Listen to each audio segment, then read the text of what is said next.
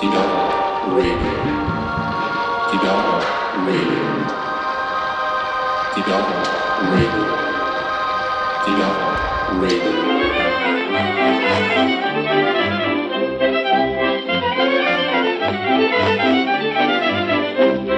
kord ligadi-logadi sõitsime maasal oma uue vankriga. küll üles pidime, küll alas pidime, nii et tolmupill käis üle päe. Küll üles pidime, küll alas pidime, nii et tolmupill käis üle päe.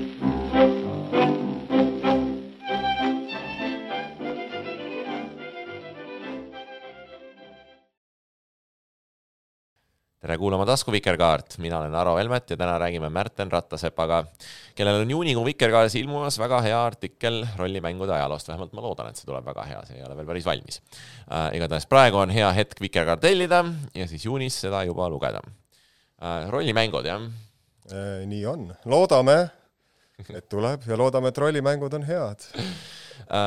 Minu esimene kokkupuude rollimängudega oli ilmselt siis, kui ma olin mingi, ma arvan, kümne või kaheteist aasta vanune ja ma käisin pärast kooli ema töö juures ja siis kuidagi mul õnnestus sinna arvutisse installeerida mingisugune nagu neljamegane mäng, mis võis olla näiteks mingi Lands of Lore, mingi üks või kaks, ühesõnaga selline äh, mäng, kus sa põhiliselt äh, seltskonnaga ronid mööda erinevaid koopaid ja äh, peksad seal pahalasi. ja mis mind selle juures hästi paelus, oli see kuidas neid, seda seltskonda, kes sul oli, kuidas seal sai neile erinevaid relvi valida ja nende mingit atribuutikat muuta, et äh, mida rohkem maag maagi asju tegi, seda maagisemaks ta sai äh,, siis mingile äh, kaikamehele sai paremaid kaikaid leida ja, ja, ja see kõik oli kuidagi väga paeluv, et see tundus andvat rohkem mingisuguseid võimalusi kui mingi Wolfenstein 3D-d mängides, kus oli neli relva ja siis äh, lõpuks sa ikkagi lihtsalt nagu lasid neid samu natse maha. mis äh, sinu esimene kokkupuude oli? oh, kõige esimene, ma, mul kohe seostub sellega, et ma mäletan äh,, et ma olen näinud kunagi ühte fotot, kus ma olen väga väike ja see on kusagil äh, kusagil umbes ema magamistoas tehtud, kus kunagi oli üks esimesi arvuteid ja selle arvuti peal minu arust isegi on Ultima kuus juba olemas, seega see peaks olema aastal üheksakümmend, üheksakümmend üks, üheksakümmend kaks. ma ise kuidagi ei mäleta sellest hetkest, sest ma olin veel üsna nagu, üsna väike sellel hetkel miskipärast ma ikkagi kujutan siin ette sellesama habemega, aga noh, see selle... ja, ja et just, et ma olin siis võib-olla ütleme, selline viie, viie või kuueaastane äkki, et kuidagi ei, ei mäleta, et ma oleks äh, oleks seda tollel hetkel kohe mänginud, aga, aga kindlasti üks varasemaid rollimänge, mida ma mäletan ja miks ta on ka nii see Ultima kuus, The False Prophet nagu on nii märgilise tähtsusega ja sinna sai pandud tõesti elus väga palju tunde nagu noorest peast. ja mitte ainult selle kuidagi läbitegemisele tema süžee mõttes, vaid kuna ta oli väga simulatsiooniline mäng, kus kõike sai näppida ja lükata ja võtta üles ja panna maha ja tõsta ja, ja jaurata, et seal oli võimalik äh, niimoodi isegi Äh, nagu simsilikult imiteerida, nagu et sa et nii mõnigi kord võis juhtuda, et tekkis tunne, kus sa läksid mõnda sinna nendest äh, mitmest linnast ja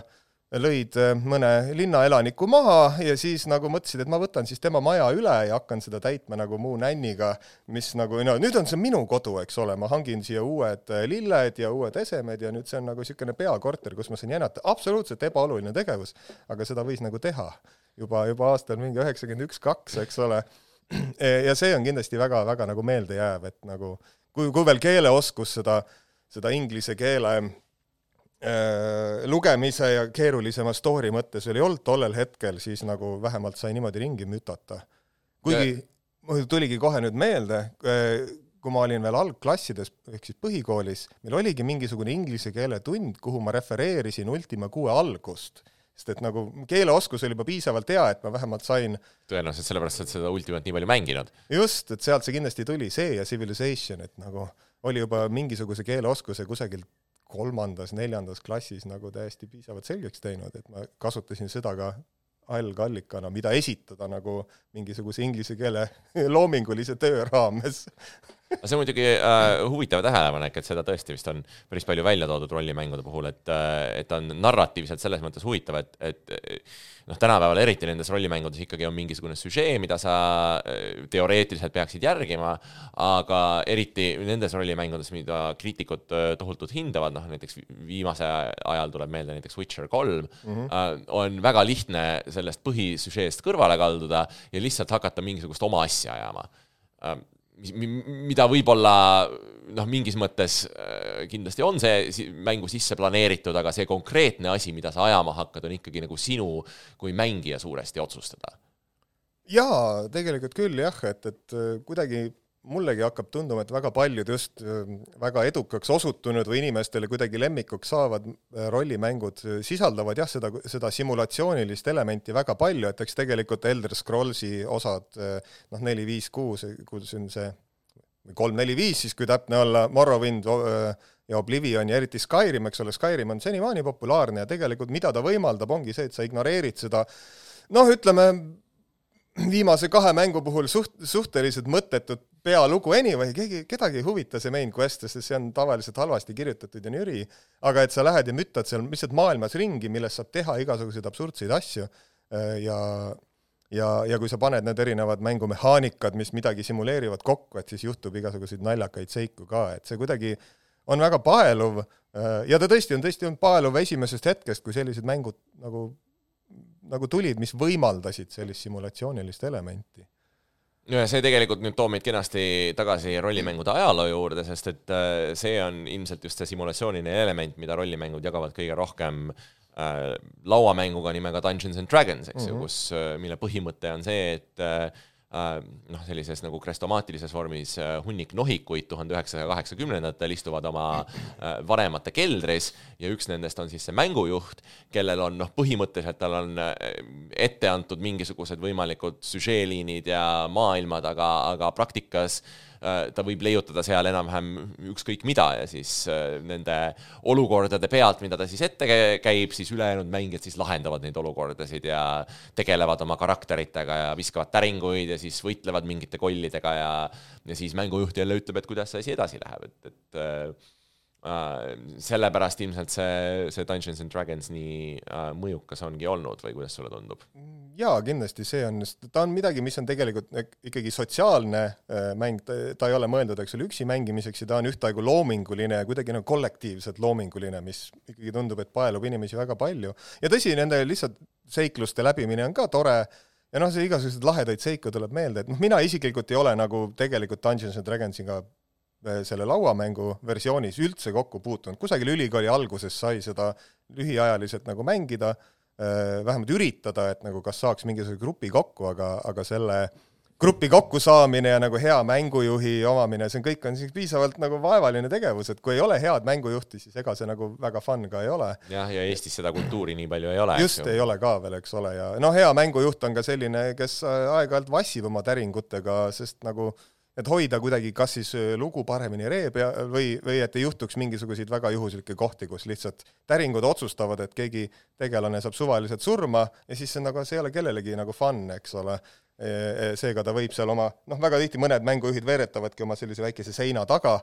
oma täringuid ja ega nad päriselt ei ütle, et nagu ma olen kuulnud mingisuguseid vanadelt mängijatelt, et nad võib-olla niimoodi seitsekümmend viis prossa on nagu täpsed, aga nad nagu mudivad sellega tulemustega vastavalt sellele, et, et asi püsiks paremini koos, oleks kuidagi koherentsem ja lõbusam ja nagu see lugu saaks nagu jätkuda. Et Nad saavad aru, mis selle asja mõte on, et, et selle mõte ei ole lasta juhuslikkusel ruulida, vaid ja, täiesti, mõte on, nagu... et kõigil oleks hea loominguline keskkond. ja see, kui vana, vana väga pikaaegne nali oli see Rocks fall, everyone dies, mis oli niisugune näide, et kui mõni, mõni mängujuht oli väga pahatahtlik ja nagu või talle hakkasid üle viskama, kas siis mängijad või see, kuhu lugu läheb, siis ta võis lihtsalt seda teha, et nagu no, täringutega on nüüd nii, sattusite lõksu, teile kukkusid kõigile kivid pähe, te olete kõik surnud, mäng on läbi, aitäh, ma nüüd lähen koju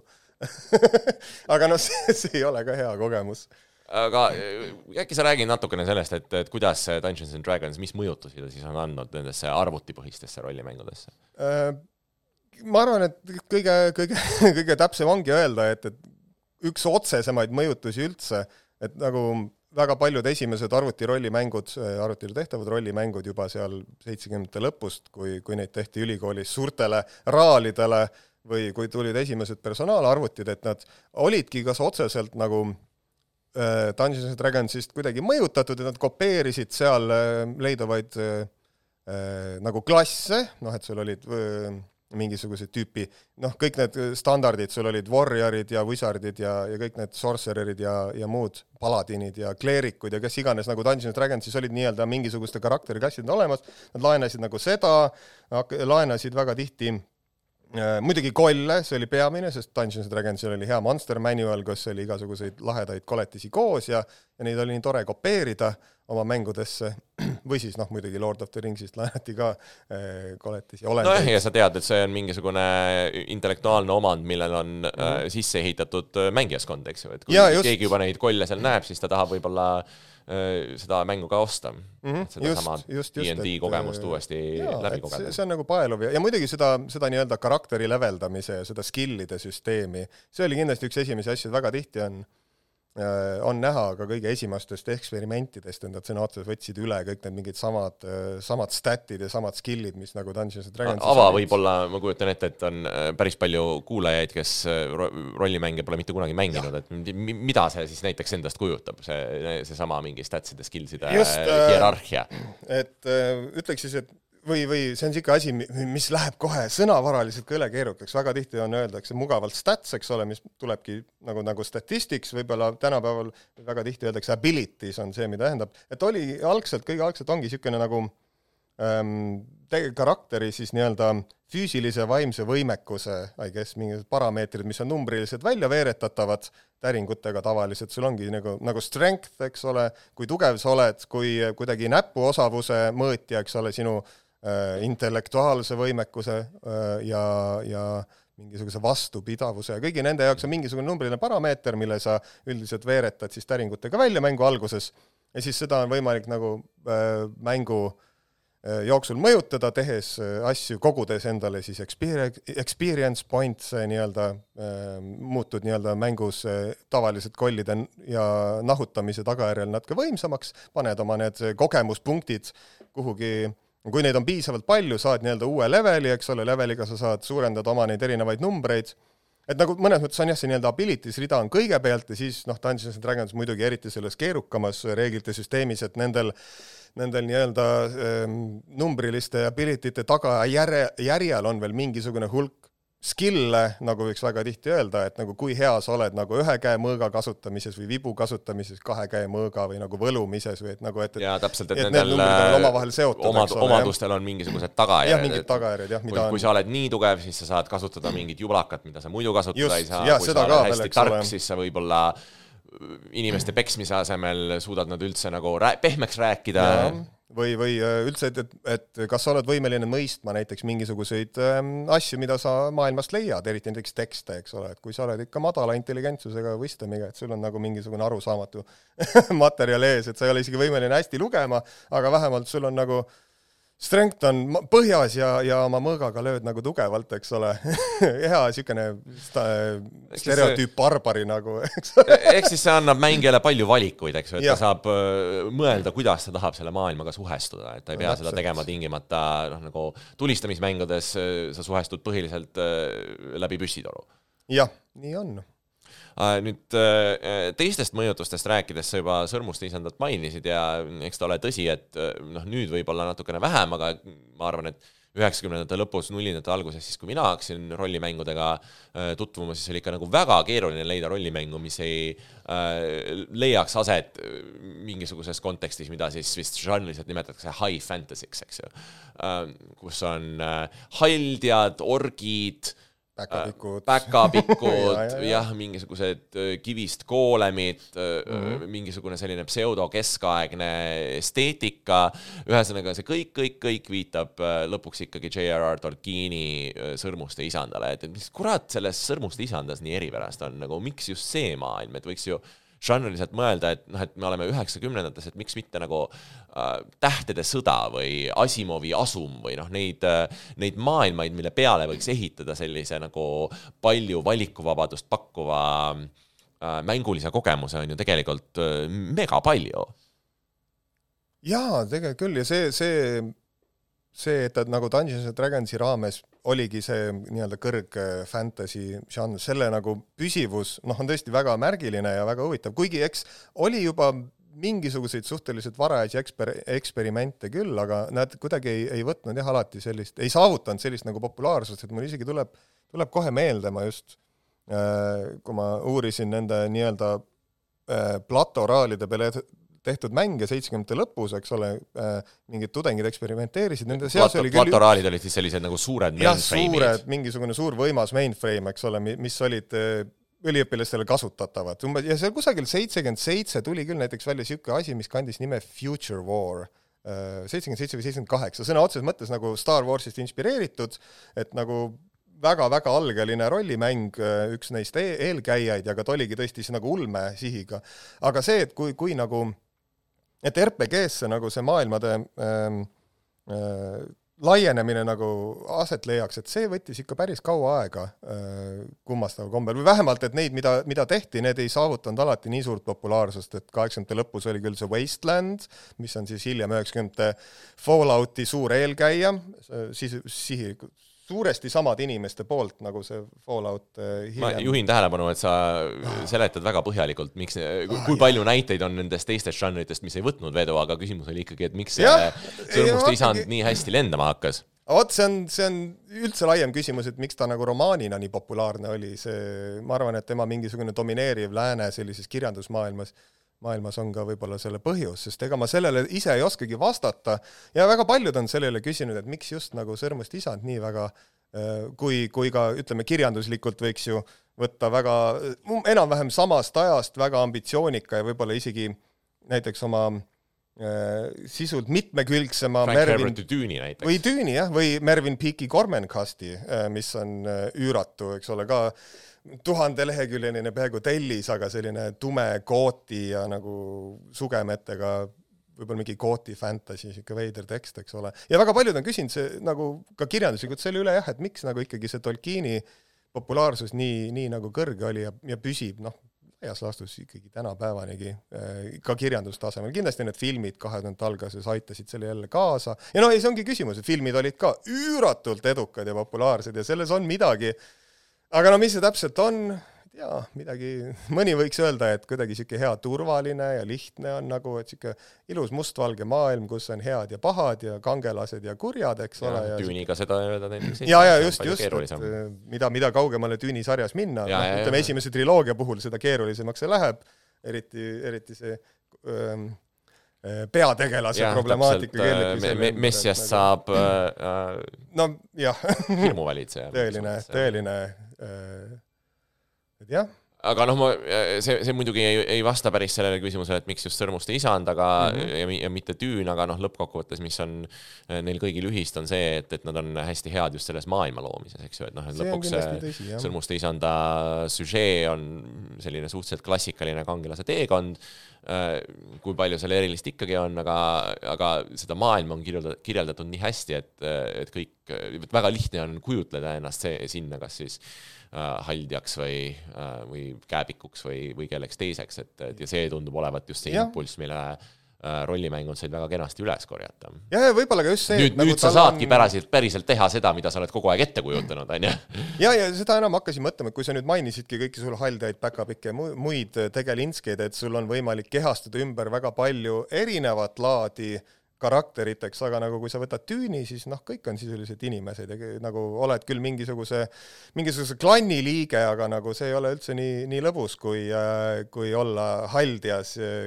ja lasta vibuga aga, aga ja, ja siis mõtledki, et kui, kui tüüniga seotud arvutimängud ikkagi kaheksakümnendate lõpus, üheksakümnendate alguses peamiselt tulid, noh, esimene tüün oli rohkem niisugune adventure mängu tüüp ja teine tüün eriti strateegiamäng. oli just, just strateegiamängu alus, mis mõtledki, et kui sul on mingisugused fa- äh, sellised ähm, ähm, klannid, eks ole, kes omavahel äh, peavad mingisugust võimuvõitlust, siis see sobib mingisugusesse reaalaja strateegiamängu palju rohkem, äh, sest kuidagi see rolli, tegelaste rolli omadused ja mingid niisugused nagu ei ole üldse nii olulised selles, vaid ikkagi nüüd sul on see, see klanni tervik, eks ole, on see, mida sa tahad võib-olla hallata rohkem kui neid üksiktegelasi, neid indiviide. aga et jah, et nagu Tolkienil olid niikuinii, sul on mingisugused ette antud tugevad lõbusad tegelaskujud ja mingisugused erinevad liigid nii-öelda laiemas mõttes, kellena sa saad nagu tegutseda ja see on kuidagi lahe äh, sellise isiks, isiksuse mõttes nagu. et näed, et inimesed ikka tahavad olla rohkem kui lihtsalt inimesed vahel äkki kuigi, kuigi kui vaadata mingisugust arvutimängude statistikat, kui mängud pakuvad sulle väga palju erinevast, ütleme, liigist või rassist nagu tegelasi, siis ikkagi väga suur osa inimesi tavaliselt mängivad lihtsalt Inimestena. inimesi, aga, aga teiselt poolt on hästi naljakas, kui väga paljude mängude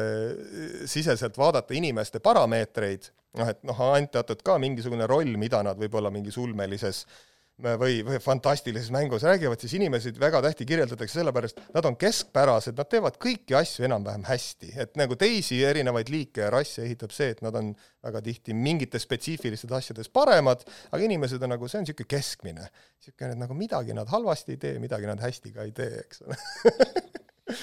Või, või siis nad on vahel diplomaatias on nagu niisugune eripära on see, et üks asi, mida nad oskavad, on nagu diplomaatiat või nagu, nagu rääkida teistega väga kummaline valik, aga noh. Äh, kuulame nüüd vahepeal muusikat ja siis räägime rollimängudest edasi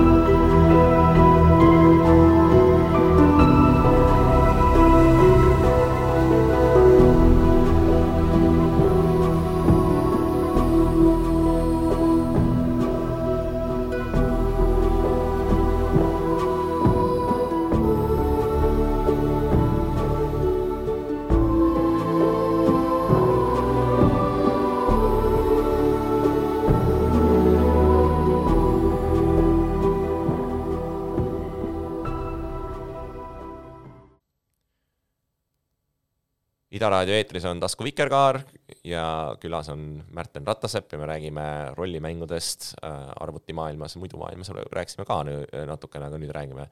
arvutimaailmast. ja üks asi, mis äh,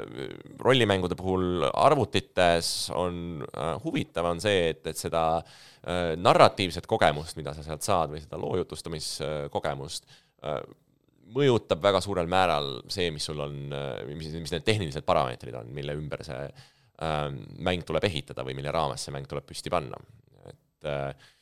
oma artiklis sa kirjutad sellest, kuidas äh, esimeste näiteks Ultima mängude probleem oli see, et, et seal ei saanud mingisugust eriti äh, kompleksset äh, lugu jutustada lihtsalt sellepärast, et, et arvutite mälumahud olid sellised, et, et see lugu ei mahtunud sinna lihtsalt peale ära, eriti kui sa tahtsid veel mingit pilti sinna kõrvale ka näidata et äh, räägi natukene võib-olla siis näiteks sellesama Ultima sarja näitel, et kuidas see äh, tehnoloogia ja loo jutustamine on üksteist mõjutanud rollimängude arengus mm. -hmm. et ähm et see ongi huvitav asi, mis, mis tänapäeval äh,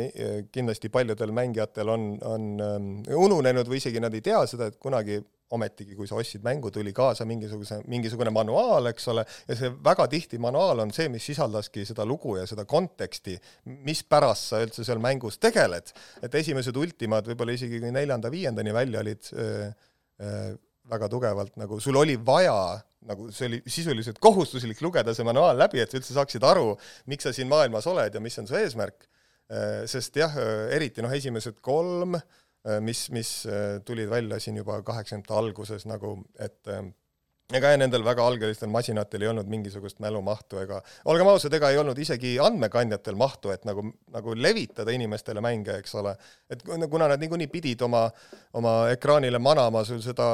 maailma, noh, maailmat pildiliselt, eks ole, et eks ta tegelikult oligi lihtsalt mingi hulk,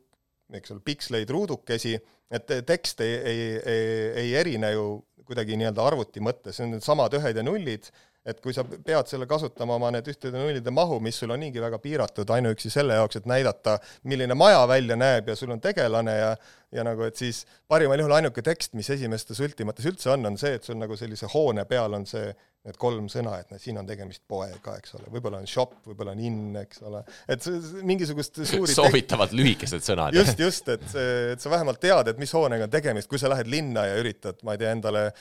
relva osta et siis sa tead, milline see pood tegelikult on, jah, ja sul kuhugi ei olnud mahutada seda, seda, you know, ülejäänud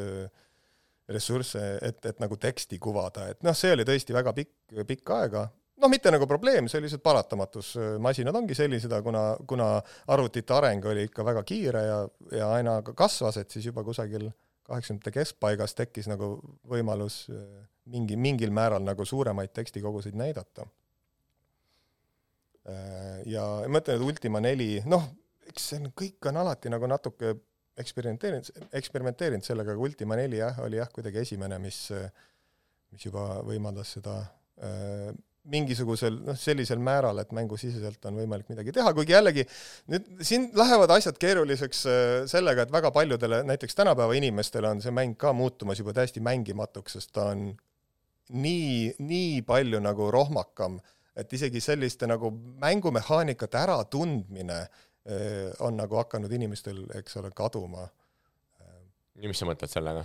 noh, et, et, et tänapäeva mängud on noh, kuidas öeldakse, kõige lihtsamalt ütlekski, nii palju paremini disainitud oma kasutajaliideses ja absoluutselt kõiges muus ja selles, kui väga ta aitab mängijat kaasa selleks, et ta saaks maailmas liikumisega aru ja äh, liikumisest aru ja lahingu pidamisest aru ja nagu kogu selles süsteemides, et neid tutvustatakse palju paremini ja need on muutunud palju lihvitumaks ja palju nagu sirgjoonelisemaks. ja kui sa ikka vaatad mõnda seda väga vana äh, mängu sealt kaheksakümnendate keskpaigast või lõpust või ka aastast üheksakümmend, nagu Ultima kuus, see minu lemmik, eks ole, et siis päris võib võtta aega, kuni sa aru saad, kuidas üldse mehaaniliselt töötab. Äh, et ja, ja just need eriti noh, rääkimata sellest, et graafika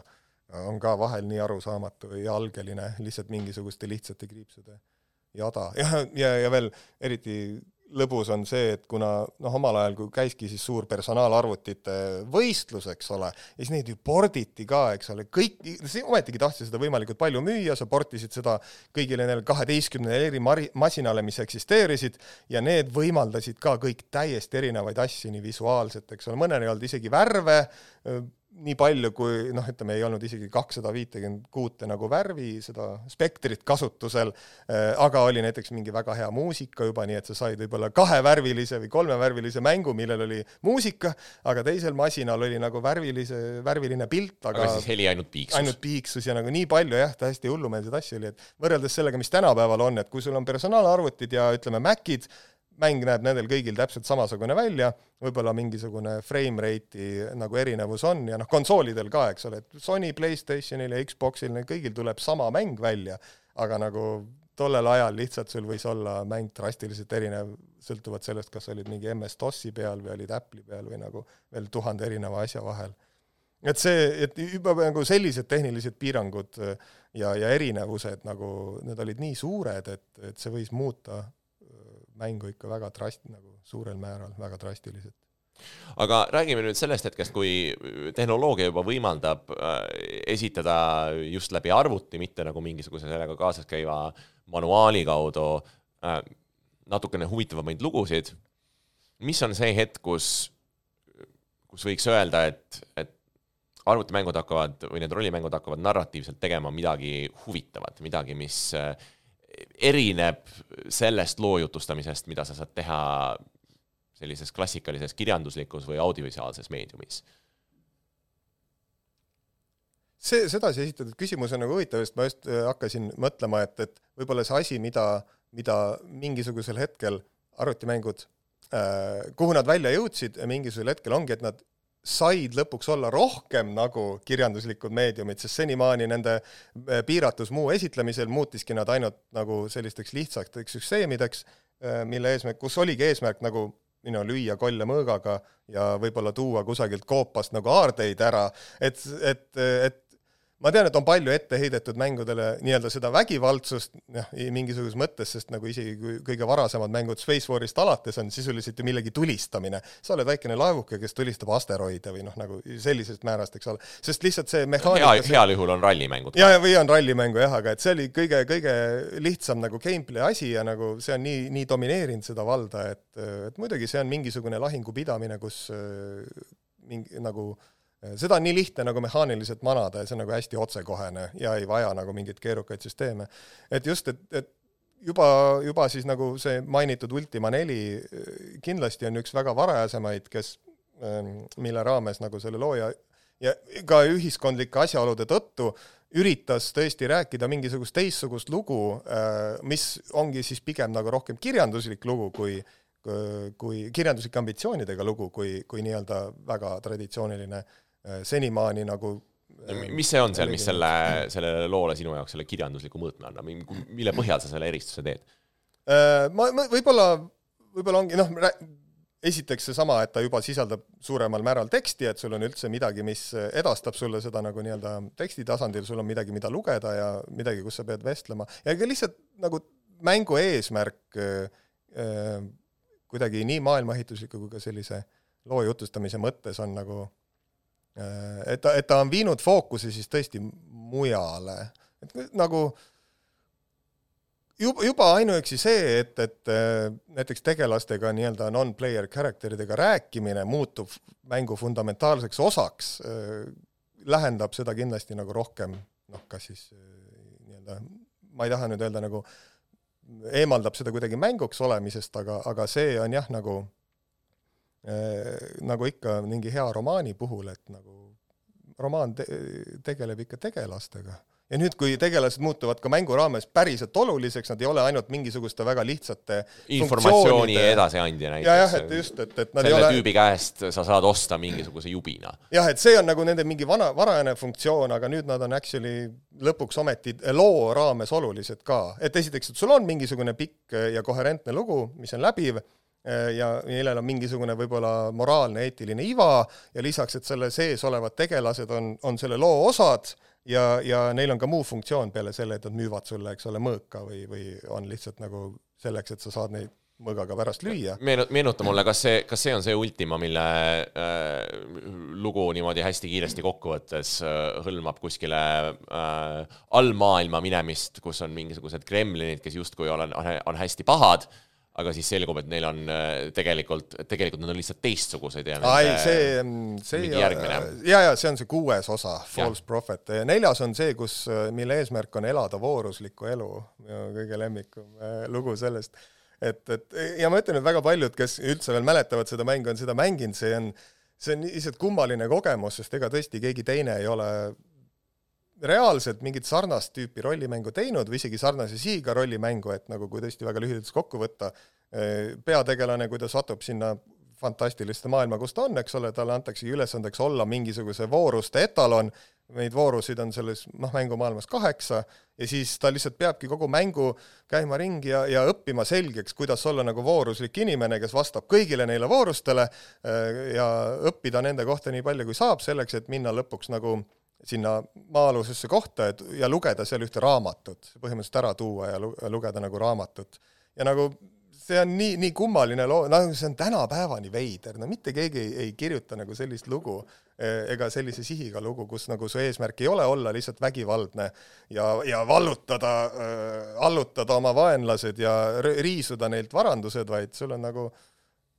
on, on va, nagu olla hea inimene ja lihtsalt, ja see ongi kõik asi, sa pead seda jälgima ka, et see ei ole asi, mille sa saavutad ära ja ongi korras, et sa leveldad ühe oma mingi vooruse lõppu ja nüüd see on siis igavesti küljes, vaid sa nagu, sa pead seda ähm, järjepidevalt nagu mängusiseselt kogu aeg nagu see on nagu protsess, millega sa alaliselt tegutsed. aga ma tahaks ikkagi, et sa veenaksid mind, et kui ma näiteks tahan õppida midagi voorusliku elu kohta või, või kuidagi suhest mõelda selle üle, et mida vooruslik elu endast kujutab, et, et miks kuradi pärast ma siis peaksin mängima Ultimat ja mitte näiteks äh, lugema Platonit oh. kui mul, kui mul juba need variandid, noh, et, et mida see mängimine siis mulle annab lõppkokkuvõttes mm, -hmm. mi, mida ma ei saa näiteks kirjandusest või ma ei tea, ma vaatan mingisugust, tea, mis on selline hea voorusest rääkiv film, Eyes Wide Shut jah, vot, eks ole, hea küsimus, see on, see on mingi niisugune üks, üks teema, mida, mida ka selles väheses nagu ar arvutimängude teemalises võib-olla tea, teadusuurimustes tuleb, on see nii-öelda mingi embodiment'i küsimus. ja, ja, ja täpselt see, see agentsuse asi. just, just, et sa ikkagi saad kehastuda ja, ja, ja sa pead kuidagi ise nagu protsessina siis nagu läbima, läbima seda kogemust, eks ole, et, et ega tõsi, tõsi on, et, et äh, ega ma ei saagi ausalt öeldes öelda hullult, et jaa, muidugi minge kõik äh, mängige Ultima nelja, et, et äh, õpite sealt, kuidas olla vooruslikud, sest ega ta seda reaalselt võib-olla ei õpeta, see on hea küsimus, et ta ei ole mõeldud, ta ei ole nagu õppevahend, eks ole, mäng ei ole õppevahend. et ja lisaks noh, rääkimata sellele, et ta on nagu kuidagi kasutajaliidese ja üldse kasutamise mõttes nii kohmakas, et ei, isegi mina ei suuda seda mängida. ma ei suutnud seda üheksakümnendate alguses mängida, see oli juba minu jaoks liiga algeline ja rommakas aga, aga nagu, aga kui tõesti, et nagu miks teha ähm, näiteks jah, mängida arvutimängu nagu mõne kirjandusteose või, või äh, filmi raames, siis kindlasti üks levinumaid vastuseid on see, et kui sa, kui sa saad midagi vahetumat nagu kehastada ja ja neid, neid, seda kogemust niimoodi väga mingil määral konkreet-, konkreetsemalt ehkki virtuaalselt nagu läbi elada, et siis äkki see annab mingisuguse hea, hea nagu niisuguse vahetu mingi hea vahetu tagasiside sulle kui inimesele. nojah, ja sul on ka see eksperimenteerimisvõimalus, eks ju, mida päris samamoodi filmides ja ja äh, kirjandusteostes ei ole, et äh, noh, jah, et muidugi sa võid oma peas ette kujutada, et kuidas oleks, kui see lugu läheks hoopis mingisuguses teises suunas. aga no äh, just nimelt rollimängudes sa saadki seda päriselt proovida, et kui näiteks sa so sooritad mingisuguse valiku ja siis seetõttu mingisugune tegelane, keda sa pead oma sõbraks, sureb ära, siis sa võid minna mängust tagasi, eks ju, laadida mingisuguse varasema salvestatud mängupunkti ja siis proovida teha teistsuguseid valikuid ja, ja vaadata mis siis saab ja, ja tegelikult ju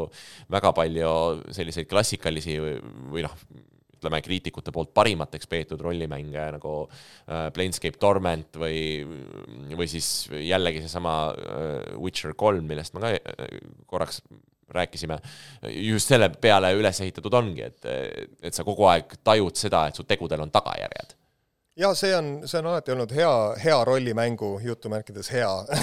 Mingi oluline osa vähemalt minu jaoks ongi see, et, et et üritatakse saavutada seda, et mäng oleks reaktiivne mängija valikutele, et mõnes mõttes põhjus, miks üldse anda mängijatele valikuid, on see, et neil peaks olema mingisugused tagajärjed, mingisugused nagu äh, kui see ei ole just narratiivne valik, eks ju, et äh, su idee on näidata sellele, et seda, et äh, ükskõik, mida sa teed, sellest mitte midagi ei muutu. see on ka mingisugune see... kunstiline valik, eks ju. see muidugi on võimalik. aga seda saab teha ühe korra, et sa ei just, saa tervet žanrit väga hea, niisugune küüniline, küüniline mäng sellest saab, aga tõsi, tal ei ole mingit nagu erilist potentsiaali, et ja, ja, ja mitme, nagu sellist mingit nõndanimetatud replay, replay value't selline mäng ei anna, sest et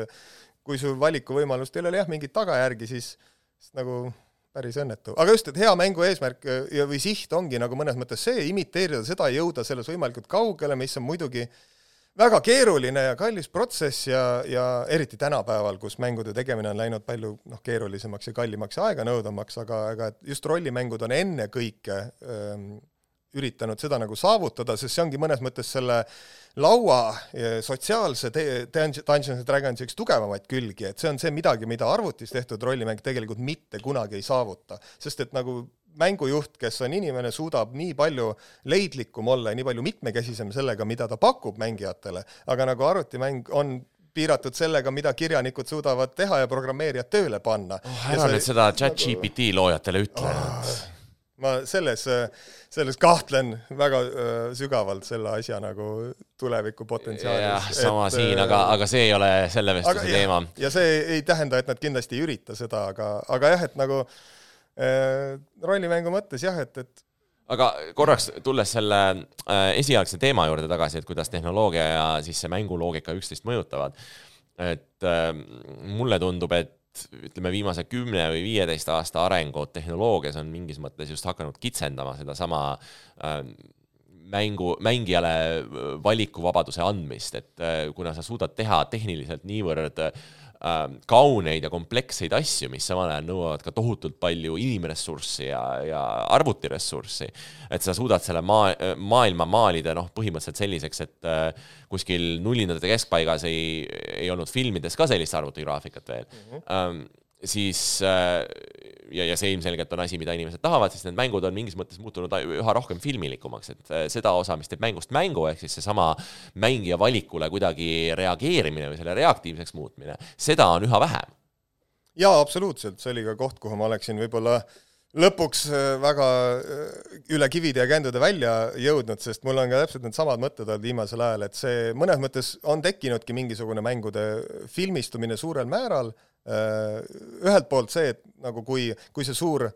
ähm, graafika realismi fetišismi laine nagu kuidagi otsa sai ja see jõudis väga kõrgele tasemele, kus oli võimalik juba teha suurepärase graafika, väga realistlikke nii-öelda mänge, et kuna selle ressursikulu on tõesti nii suur, ühelt poolt see mõjutas seda, et mängud muutusid tõesti väga palju lineaarsemaks, ka muuhulgas oma maailmalt, et maailm on palju lineaarsem, siis jooksedki koridoris äh, ja aeg-ajalt on siis mingisugune ilus set piece, nagu mina neid nimetan, et on mingisugune väga äh, suurte rahade eest nagu üles ehitatud äh, mehaaniliselt omapärane situatsioon, mida sa nagu läbid, väga äge, ja siis ülejäänud aja oled jälle koridoris, eks ole, ja kui sa jõuad mõne tegelaseni,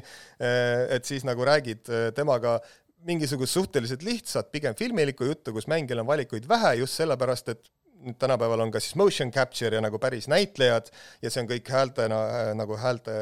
häälte mõttes sisse loetud, eks ole, mida rohkem sul on siis nagu teksti, millel on, on häälenäitle, häälnäitleja peal, seda rohkem see piirab neid valikuvõimalusi nii tonaalselt, sellepärast et sa ei saa anda mängijale võimalusi teha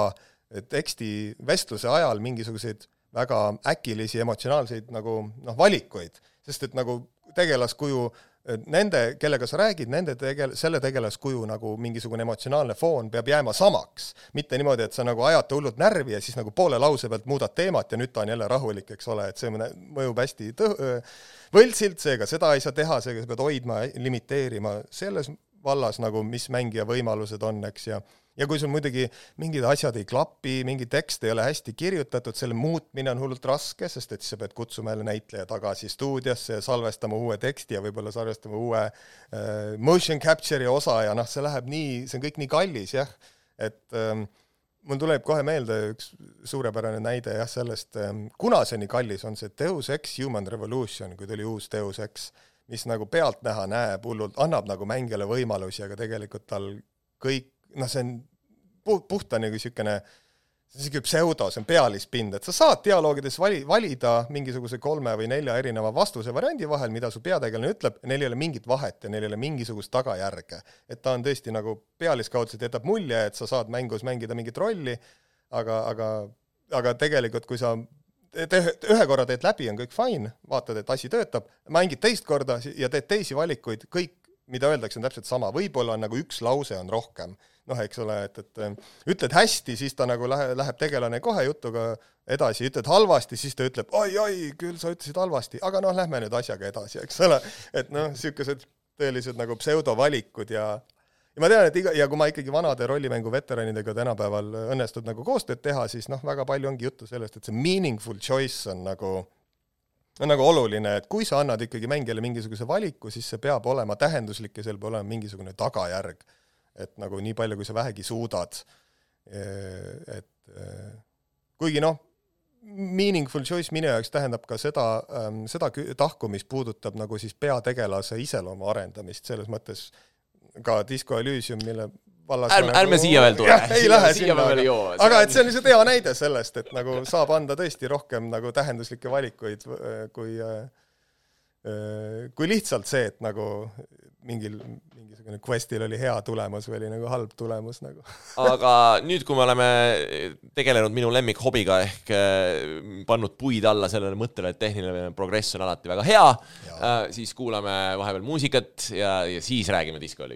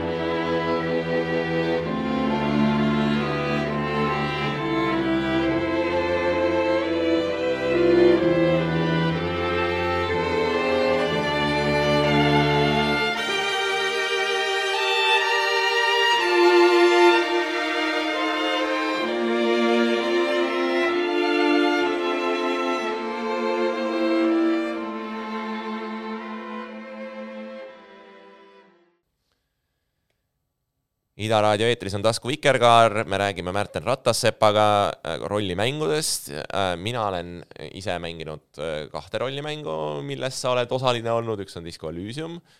mida iga viisakas haritud eestlane vähemalt teab, kui, kui mitte ei ole mänginud. ja siis teine on Pentiment, millest võib-olla on inimesed kuulnud natukene vähem, see on selline ähm, tore varauusaegne või renessansaegne rollimäng, kus siis äh, peategelane äh, mängib sellist äh, maalikunstnikku ühes äh, protestantliku äh, Saksamaa linnakeses, kes siis satub äh, erinevate mõrvajuhtumite otsa, peab neid lahendama ja siis kogu lugu omandab lõpuks sellise kuju, kus ta on selline pikem mõtisklus äh, mälupoliitikast, ajaloost, sellest, miks äh, otsustatakse midagi mäletada, midagi unustada, ühesõnaga kisub täiega filosoofiliseks. aga äh, üks nendest sellistest läbivatest teemadest, mis minu meelest oli Disco Elysiumil ja, ja Pentimendil sarnane, oli tegelaste siseeluga maadlemine, et äh, väga suur osa sellest, äh, sellest rollimängust mõlemis mängus keerleb just selle ümber, et, et sul on nii-öelda mingisugused sisemised hääled, äh, kes annavad sulle nõu ja teinekord üsna, üsna vastukäivat nõu. Ja siis sa pead nende põhjal otsustama, keda sa kuulda võtad, keda sa kuulda ei võta. Ja siis ütleme, kui näiteks tavalises rollimängus sa arendad ütleme, oma kaikaga peksmise oskust ja siis äh, mida rohkem sa kaikaga peksad, seda paremaks sa selles lähed, siis näiteks Disco Elysiumisse saad arendada oma mingisuguseid iseloomuomadusi, äh, nii-öelda seda oma sisemist mina. ja see minapildi fragmentaarsus, et sul ei ole mingisugust sellist äh, ühte atomistlikku indiviidi, kellel on mingisugune konkreetne ähm, konkreetne eesmärk, et ta on sõdalane ja siis kõik, mida ta teeb, ta filtreerib läbi oma sõdalase aju, vaid et see inimene on seesmiselt lõhestunud, see tundub olevat minu jaoks selline päris oluline innovatsioon. see tundub mulle ka nagu koht, kuhu võib-olla rollimängud oleks võinud jõuda, võib-olla isegi varem, sest et äh, see tõesti oligi enne juttu sellest samast stat'ide ja skill'ide süsteemid, mis sul, süsteemist, mis on kõik mingisuguse numbriline, et nagu nende funktsioon nagu dialoogides, vestlustes ja tegelase, tõesti siis nagu tegelase arendamises või tegelasega,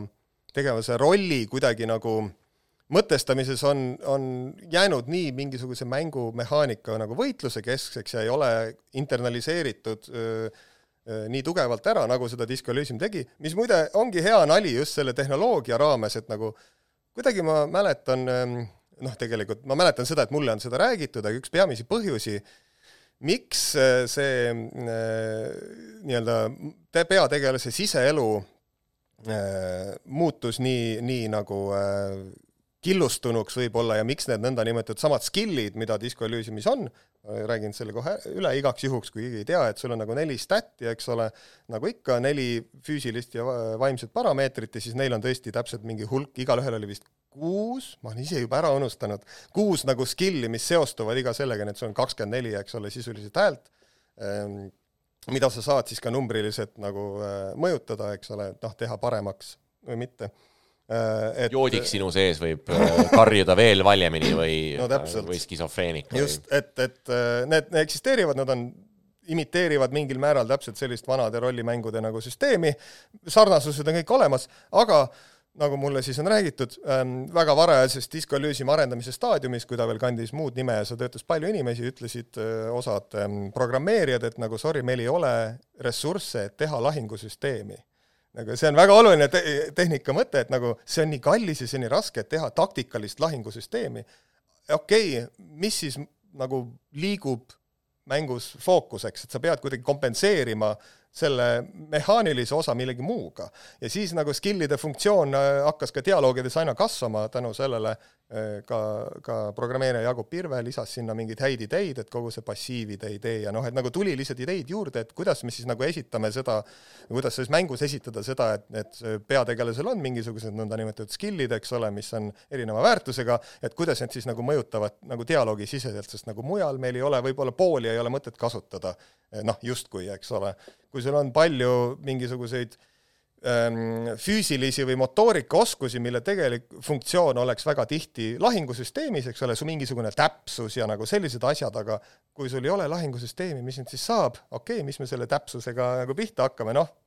leiutame viise, kuidas see dialoogis oleks kasulik. et nii palju on jah, nagu tingitud sellest, et nagu on mingisugused standardid, tehnoloogilised standardid ka ja gameplay nagu äh, standardid nagu ja kui järsku sa ei saa neid teha, et siis tuleb olla loominguline. ja see on hästi huvitav, see, see muidugi on alati tõsi, et igasugused piirangud on reeglina loomingulisusele kasulikud, et mida näeb tavaliselt selle järgi, et, et head režissöörid, mida rohkem neile raha antakse, seda kehvemaid filme nad kipuvad tegema sest et need piirangud kaovad ära. aga see näide sellest iseloomupõhiste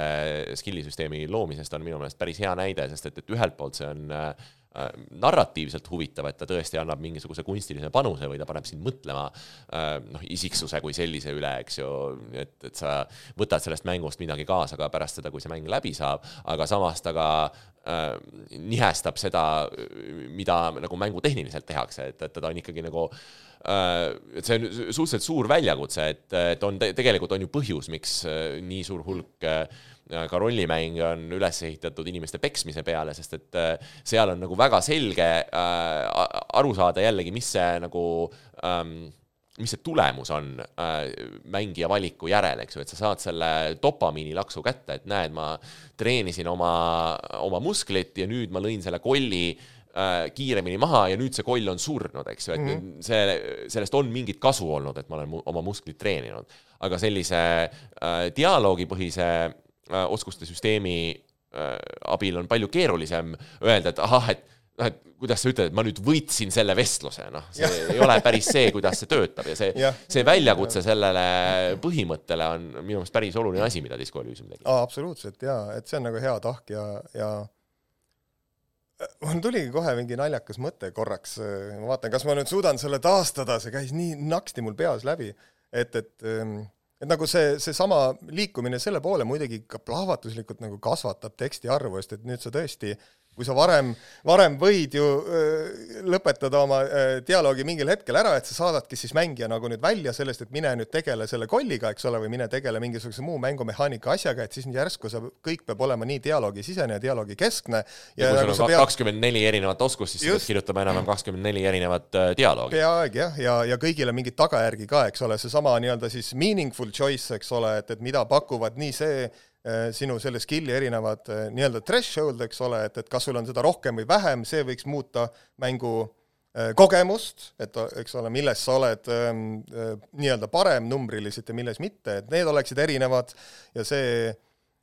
see, et nagu need või avavad sulle näiteks mingisuguseid uusi valikuvõimalusi, eks ole, ja siis seetõttu need uued valikuvõimalused peaksid dialoogisiseselt olema kuidagi tähenduslikud, et ei saa ju tõesti anda mängijale hästi palju lihtsalt nagu tühje õõnsaid valikuid, eks ole, et siis nagu see kannab jah, kogu raskuse nagu sinna ümber, mis muidugi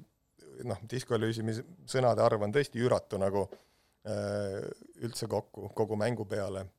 et, et siis tekibki isegi naljakas olukord, et nagu see ühe, ühelt poolt selle eesmärk oli vältida seda, et noh, et see lahingusüsteem on lihtsalt nii kallis, me ei suuda seda teha ja siis kogu see, mis asi kalliks osutus, on... megakallis, eks ole, oma mis iganes kaheksa-üheksa kirjanikuga, kes umbes nagu üldse kokku mingi neli aastat seda, mingi siukse arvu, sa teed seda nii kaua ja, ja nii, nii nagu see õudne, õudne ettevõtmine ka. et see nagu ei, ei päästnudki nii palju lõpuks, kui naljaga öelda, eks. aga kas see, et, et sa Pentimendis sattusid natukene sarnast asja asja tegema, et, et seal on seesama äh, lõhestunud isiksuse probleem ja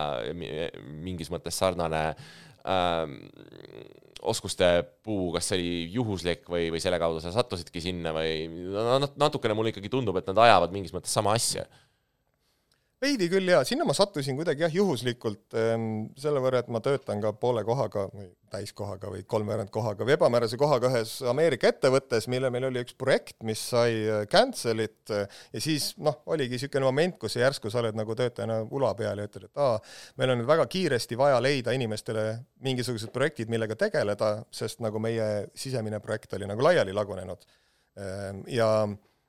oli nagu vaip alt ära tõmmatud, kui nii-öelda. ja siis, siis äh, meil see mu ülemus seal otsiski, et nagu pakkus välja, et aa, tead, mul see Obsidianis, eks ole, Josh Sawyer teeb seda oma Pentimenti mängu, äkki sa tunned huvi, et nagu sellel on mingisugust noh, hea rollimängu või rollimängu ja adventure mängu selline hübriid ta on, et see nagu võiks sobida. ja noh, et äh, mulle see oli kuidagi varem aeg-ajalt silma jäänud ja tunduski, et noh, kogu seesama äh, varauusaegne periood, see oli siuke, ah see on nii huvitav ja veider, et nagu selliseid tõesti ei tehta ka väga palju, et nagu hullult lahe oleks selle juures töötada, nii et kuidagi nagu öeldakse, joppas, et ma sinna sattusin. ja tal on mingisugused sarnasused, aga, aga ikkagi lõpuks, kui sellega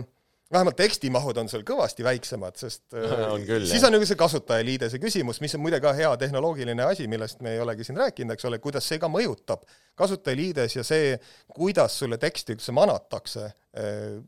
mõjutab nii nagu teksti äh, nii pikkust kui ka nagu muid asju, eks ole, ja selle, kui, kui nagu loetav ta on, et nagu Disco Elysiumi puhul väga hinnatakse, mina ka hindan seda, et tal on seal paremal poolel see riba. tekstitulp äh, sisuliselt jah, ja siis jah, Pentimendis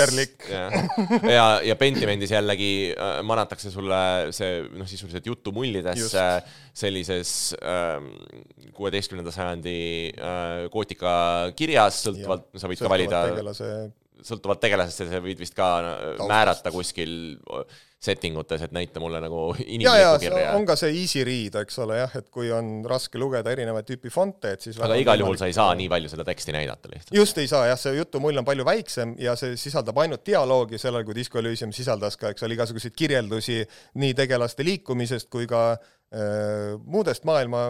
seotud või mis, mingitest elementidest, eks ole, mis muidugi hoiab kokku seda, et sa ei pea animeerima nii palju. et, et küll see on hea, kui sa ütled tekstis, et ta nagu, ma ei tea, kratsis oma äh, kukalt ja tegi veel tuhandet asja ja sa ei pea seda üldse animeerima, nii palju odavam. aga Pentimentis oli noh, et sul on ainult dialoog ja siis sa animeerid veidi rohkem, aga samas seda oli ka, ütleks võib-olla mõnevõrra lihtsam animeerida, kui kui äh, näiteks Disco Elysiumit oleks olnud. kuidas see arvutimängude kirjutamine looja kogemusena välja näeb, et äh, kui sa võrdled seda näiteks äh, lihtsalt esseistika või ma ei tea, luuletuste või, või proosa tootmisega äh,, proosa tootmine, appi, kohutav termin kolm ühikut, me, meie siin näiteks mhm. toodame iga kuu mingi kaksteist ühikut proosat. kuidas see Elysiumi kirjutamine sellest teist, teistsugune on? Mõnes mõttes naljana vahel, kui, kui olla arvutimängukirjanik, siis see väga meenutab küll seda, just seda nalja, et nagu sul on vaja lihtsalt toota proosat, sest sul on kiired tähtajad ja tekstimahud ja sul on nagu lihtsalt vaja see kuidagi kõik kirja saada väga tõhusalt, et siis oledki selline nagu ah, täna on siis see tegelane ja mul on selle kolm päeva aega, eks ole, no ma siis toodan talle selle proosa kõik ära ja asi korras. vahel on ka niisuguseid momente, aga noh, mida kauem sa seda teed, seda lihtsam on ka kuidagi võib-olla kiiremini sellist teksti nagu luua. aga aga nagu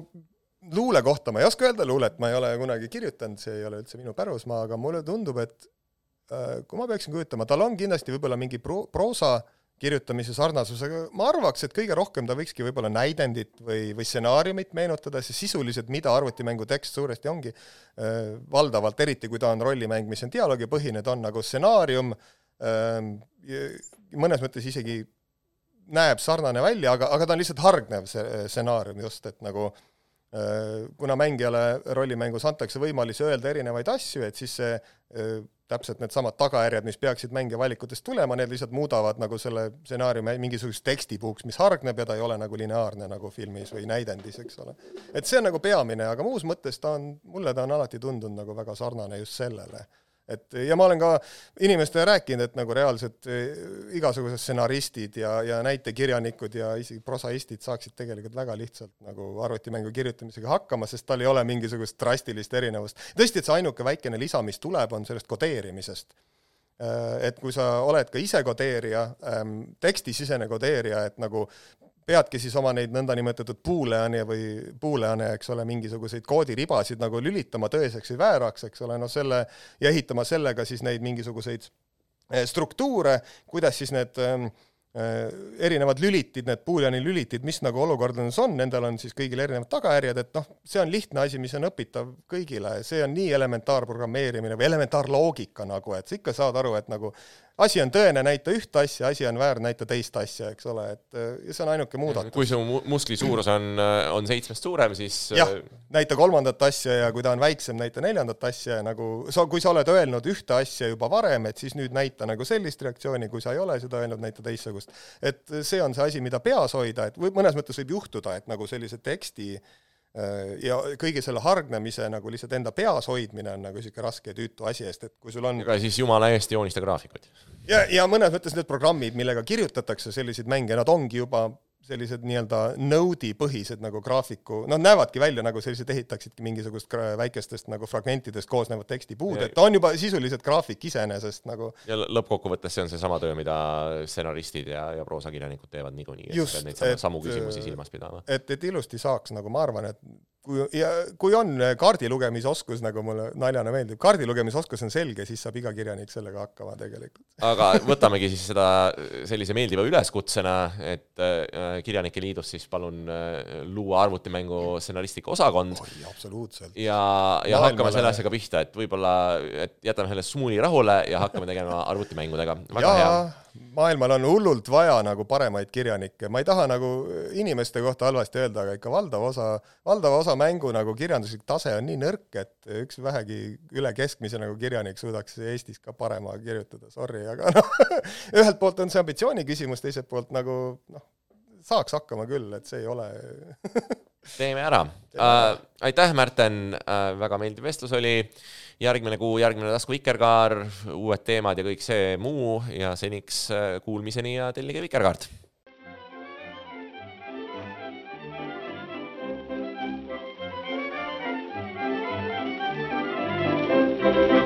siis ligadi-logadi sõitsime ma nii edasi kurva meelega. küll üles pidime, küll alas pidime, kuid enam mina neiukest suudlema ei lähe. küll üles pidime, küll alas pidime, kuid enam mina neiukest suudlema ei lähe.